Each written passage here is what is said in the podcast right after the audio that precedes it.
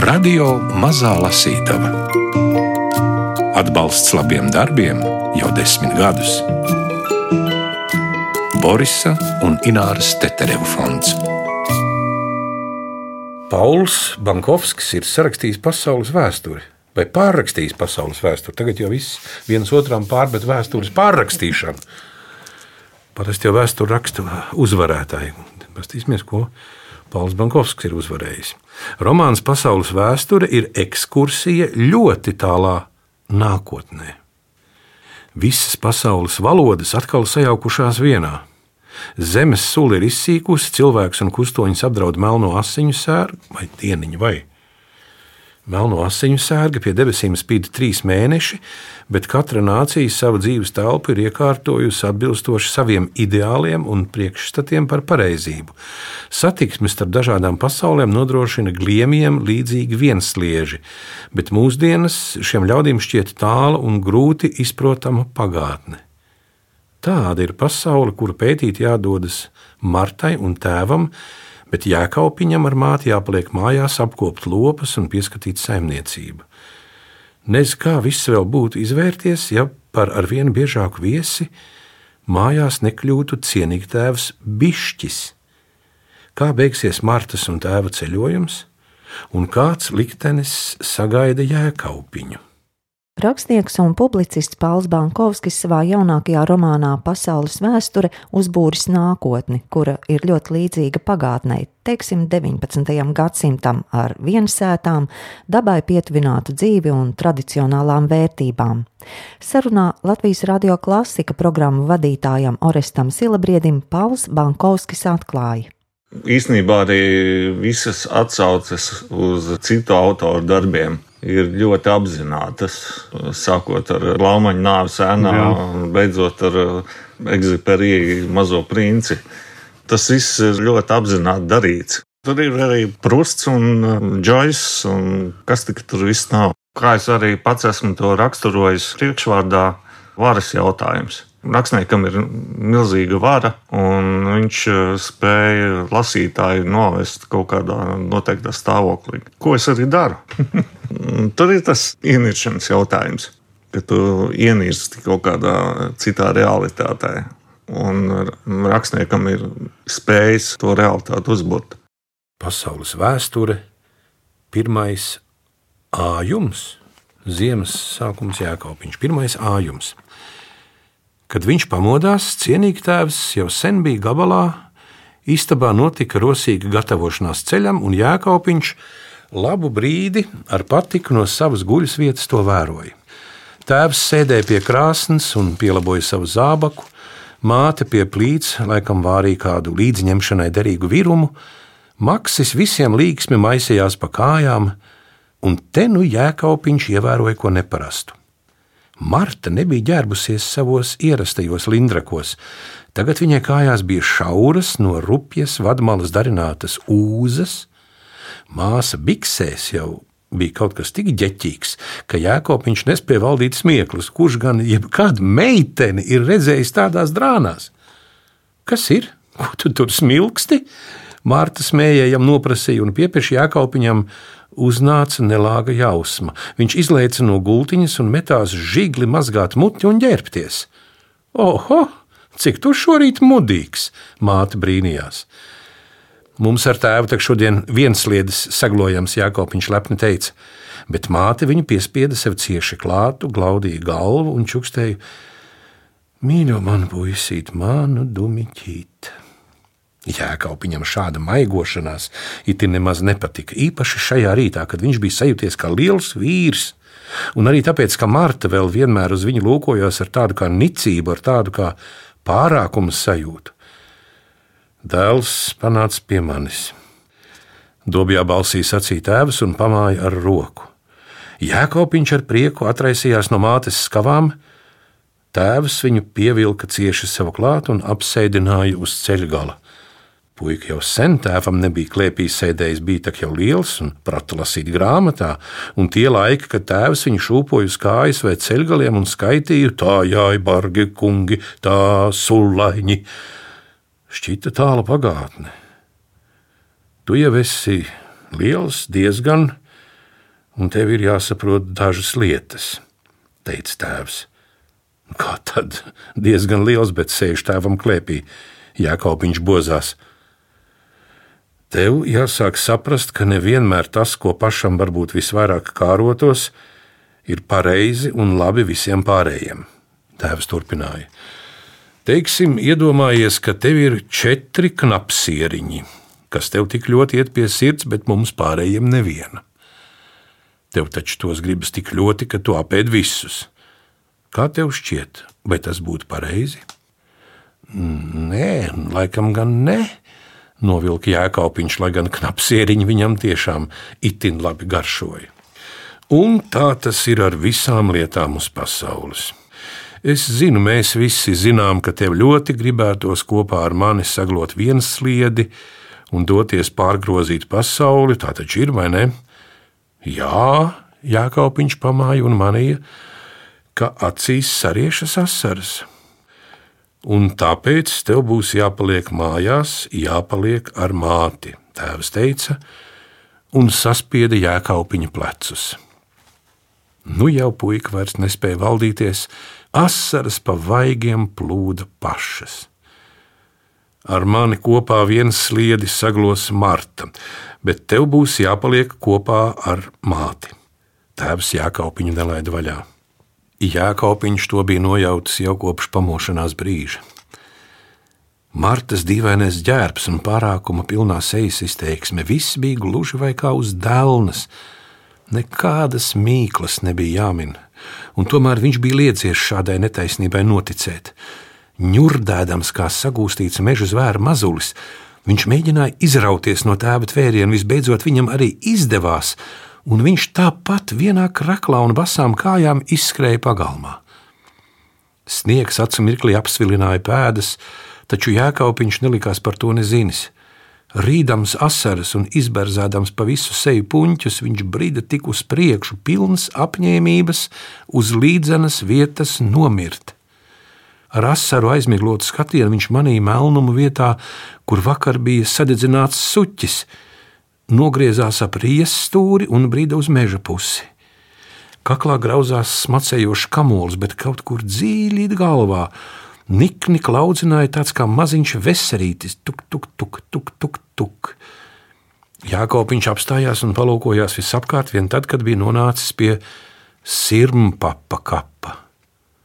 Sniegs visapkārt bija nomīdīts, tomēr balts, un kapu kopiņas smilts uz šī baltuma fona izskatījās smaga un tumša. Sālu puika samanīja vien tagad, bet kāju pēdas tikpat kā nejūta vairs nemaz. Augstums spiedās aizvien dziļāk viņā iekšā, un piepeši jēkaupiņš nobijās. Viņš nepavisam nevēlējās palikt te šajā augstumā, bet kopā ar sirmu papu Viņš vēl nevēlējās mirt, dzīvot viņam gribējās pat tad, ja nekad mūžā vairs nebūtu iespējas tikt kaut pie viena knapsieriņa. Mājās viņa vīstīja sagās, kājas lika mērciet vispirms augstā, bet pēc ar vienu siltākā ūdenī un jādzer bija viena karstas un rūktas zāļu tējas krūze pakaļ otrai.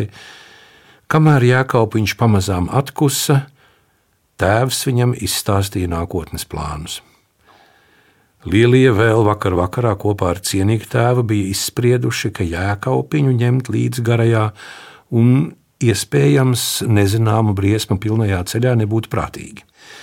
Vispirms jau tas nozīmētu, ka mājās paliek vienīgi sievišķi, un, lai gan Marta jau tūlīt būs precība gados, kā bez liekas smalkjūtības bija aizrādījis bišķis, nekur nav rakstīts, ka viņa patiesi reiz vispār varēs iziet pie vīra.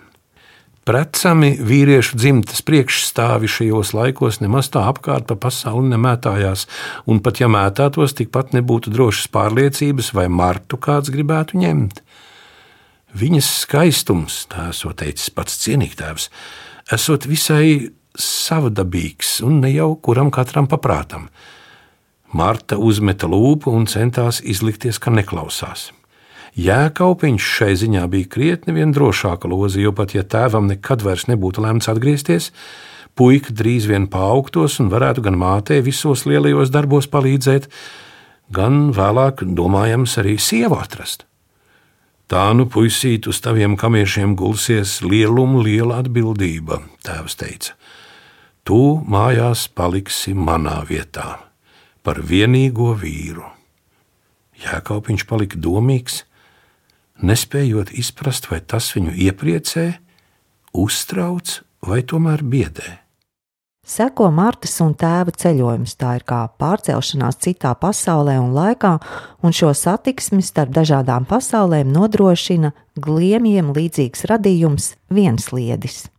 Interesanti ir tas, ka viena lasītāja bija ārkārtīgi novērsusies no šī vienslieža un nespēja paciest. Viņai viņš likās derdzīgs. Jā, jā tāpēc, ka viņš tiek pārgriezts. Viņa kaut kā nespēja paciest. Es varu atzīties vēl vienā tādā ietekmes avotā. Bija tāda igauņa multene par tādu oliņai līdzīgu cilvēku, kurš nekad nebija redzējis jūru. Viņš eh, devās to jūru atklāt. Tas man bērnībā kaut kādu tādu ļoti dziļu iespēju atstāja. Un tas ir vēl viens tāds iedvesmas avots, kas te grāmatā ir. Un par šo laiku atkal ienāca pēkšņi prātā pilnīgi nepiemērot doktors Dulitls un ceļojums ar to milzu gliemezi, kas Jā. bija jā, okeānā. jā. Es domāju, vai to teikt skaļi vai nē, bet tad, kad ir epizode Vācijas zemes tajā pilī, un tad, kad notiek tā pagrabu iešana, nu, Pauli, piedod, bet man arī Harijs Poters ienāca prātā. Domāju, vai tas arī varētu būt kaut kur, nu, vismaz tāds, ko tu esi Pilnīgi atšķirīgs. noteikti, dzīvē. jā, jā, jā, jo es biju Harry Potter redaktors. Esmu izlasījis pilnīgi visas Potter sērijas grāmatas. Pasaules vēsture pirmais ājums, pavasaris Vācu zemē, pičs. Esiet sveicināti šai pusē, mūsu tēvu zemē. Vīriņš savādi valstīdams pa muti vārdus iesaucās un iepletis rokas, nāca viņam pretī. Marta jūta, ka tēva roka saspringst, šķita, ka viņš ir gatavs gan aizstāvēties, uzbrukot un cīnoties, gan glābties bēgot, bet vēl nav ticis īsti skaidrībā, kas būtu saprātīgāk un drošāk. Tā vien izskatās, ka nesat no mūsu puses, būsiet tālu ceļu mērojuši. Baltais vecītis nolaida rokas un vēlīgi smaidīdams panācās vēl soli uz priekšu. Pretī uzvējojas saldi rūkta smarža, laikam kaut kādas burvju zāles. Vecīša seja nebija tumši brūna iedegusi kā, kā tēvam, bet gan neparasti bāla, gan sārta, gluži vai kā kūpināts šķiņķis vai cūkas cauraudzis. Lai gan iesarkanā mute vēl vienmēr smaidīja, atsedzot apbrīnojami baltus zobus bez neviena melnumiņa vai dzeltenumiņa, mazās zilās atšteles tramīgi šaudījās te pie Martas, te pie tēva. Droši vien esat jau brangi nokusuši, viņš sacīja, pakāpās atpakaļ un atvēra vēl vienas ratu durvis. Tik tālus ceļus kājām mērot, eh, nav nekāda joka lieta. Mēs jau ne tikai ar kājām, dobjā balsī ierunājās tēvs, mēs ar viensliedi, ar viensliedi. Baltais vecītis ieplet acis. Āda acu kaktiņos savilkās sīkās krunciņās, baltās uzacis parāvās augšup, smaidīgā mute sāka ķiķināt, un ķiķināšanai līdzi raustījās gan viņa pleci, gan visa pārējā miesa. Ar viens sliedi! Vai gan tas nav kas apbrīnojams? Protams, protams, eh, arī mūsu bunkuros pie dzīvības vislabākajos apstākļos vēl ar vienu kopš aizlaikiem tiek uzturēti daži simti šo nožēlojami primitīvo gliemju. Taču, teikšu godīgi, cilvēki, jūs esat pirmie viensliežu braucēji, ko savā mūžā esmu sastaps. Un ticiet man, es nemaz neesmu tik jauns, nāk jau pie trešā simta. To teicis, viņš izvilka no kabatas baltu, jo baltu nēsdogu, noslaucīja no smiekliem pasprukušās asaras un ar lielu spāru un troksni izšņauca degunu. Un tā tad viņš spēja kļuva nopietns un ar plaukstu pavēloši uzsita pa savu melno ratu jumtu. Laipni lūdzu, kāpiet iekšā un sēdieties, būsiet mani viesi. Marta un tēvs saskatījās, Lai arī bija drusku baila, Marta jūta lielu kārdinājumu paklausīt, un viņai šķita, ka līdzīgās šaubās svārstās arī tēvs. Drošāk, drošāk, tas nav lūgums, es uzstāju. Vecītis īsi iesmējās, ticiet man, es nekožu. Nu, tas vēl nav zvanīts. Tēvs paklusām pie sevis noteica, un pirmais ierāpās ratu aizmugurē. Marta viņam sekoja. Vecītis aizcirta viņu durvis un pats iekārtojās priekšā. Marta un tēvs pārsteigti apbrīnoja ratu iekšieni. Skaļā rūkšana un burbuļošana tikpat kā nebija dzirdama. Viņus apņēma mājīgs klusums. No kaut kurienes plūda klusa, baznīcas ērģeļu skaņām līdzīga mūzika, bet gaiss maržoja ne īsti pēc mirrēm vai vīraka, ne īsti pēc zāļu tējām. Sēdēšana bija gaužām tīkama un ērta, Soli bija iztaisīti mīksti, kā vissmalkākajos ratos vai karietēs, turklāt pārvilkti ar ļoti gludi ģērētu un tumši sarkani krāsotu ādu.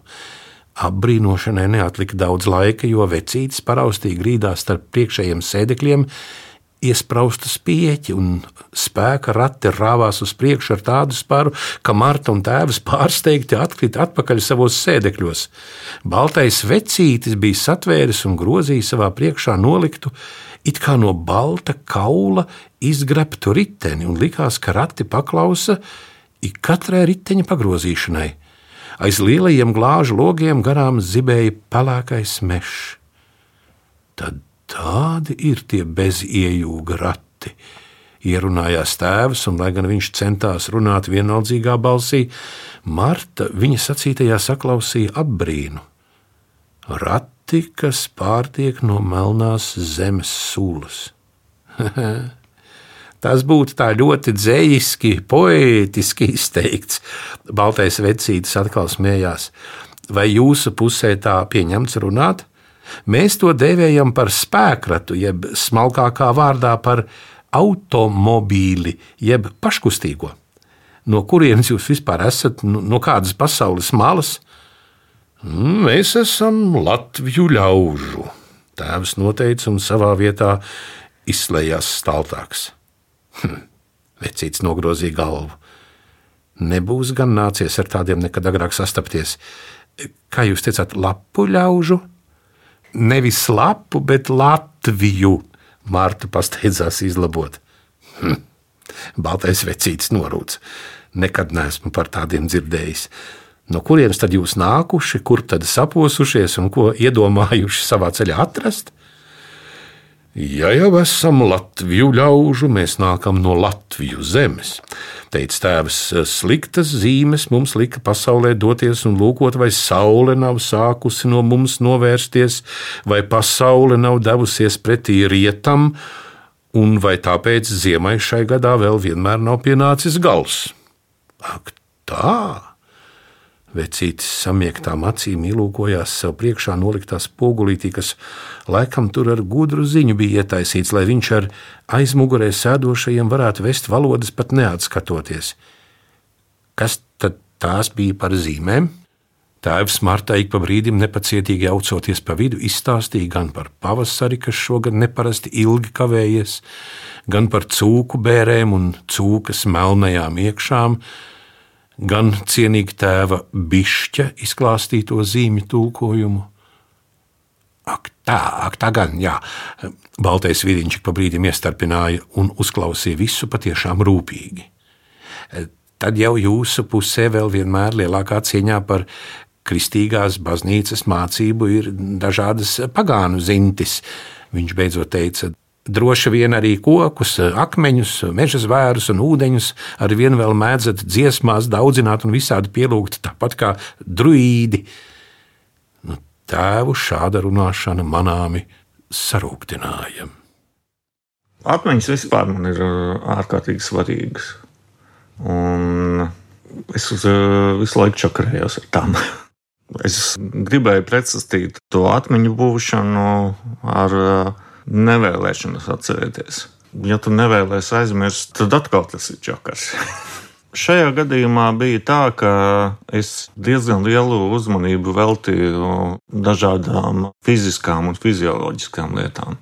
Sākot ar teļa dzimšanu, un beidzot ar dviņu dzimšanu Kaut ko tādu es nebiju nekad darījis iepriekš. Cilvēki ar pūkainu ārpusi. Es gribēju iztēloties kaut kādu tādu nākotni, kas ļoti atšķiras no mūsdienām. Un tā tapa šie pūkainie cilvēki. Iedvesmas avots bija Herberts Vels, kuram bija tie eloji, laika mašīnas cilvēkam nonākot nākotnē. Viņš sastapa tos dīvainos radījumus. Viņi bija tādi kaut kādi ļotaini, jocīgi radījumi, kas galīgi nelīdzinājās cilvēkiem. Tas bija viens no iedvesmas avotiem šim vispār stāstam kopumā. Pirmais ājums ir veltījums, otrais ājums ir veltījums, trešajā veltījuma adresātu neatradām. Kāds iemesls? Tas ir pēcvārds. Viņš ir vairāk vai mazāk tāds izskaidrojums. Jā, proporcija ir milzīgs pirmais ājums, nu, teiksim, tā ļoti pieklājīgs otrais un trešais īsts. Jā, es lapus paskaitīju. Ja tev šķiet, ka šāds vārds varētu iet mūsu apritē, ājums, nu, lai neteiktu, kā tur mūžs vai dzīve, bet ājums. Jā, kāpēc gan nē? Bet tas ir tavs vārds. Tāds iepriekš nav bijis. Nē, nē tāds iepriekš nav bijis. Es domāju, ka mierīgi varētu ieiet. Ne, bet varbūt klausītājiem tomēr ar ko viņš varētu atšķirties no tā, kas saka, nu, viņš savu dzīvi nodzīvoja tā un tā. Viņa mūžs pagāja tur un tur, bet viņa ājums būtu attiecināms vairāk uz ko. Tas gluži nav mūžs. Ājums ir kaut kas uh, plašāks plašāks miesas virzienā, dvēseles virzienā? Laika virzienā. Tas galvenokārt attiecas uz laiku. Tu vari izteikties par uh, ājumu kā par kaut kādu laika nogriezni. Grāmatas noslēgumā minēts datējums. Tā uzzinām, ka Pauls Bankovskis šo darbu rakstījis piecus gadus, no 2015. līdz 2019. gadam. Bet šeit studijā romāna pasaules vēsture fragmentus lasīja Gundars Sāboliņš. Ar Paulu Bankovski sarunājās Ores Silabriedis, raidījumu veidoja Laima Slava, par skaņu rūpējās Reinis Budze, producente Agita Bērziņa. Paula Bankovska pasaules vēsture iznākusi izdevniecībā dienas grāmata.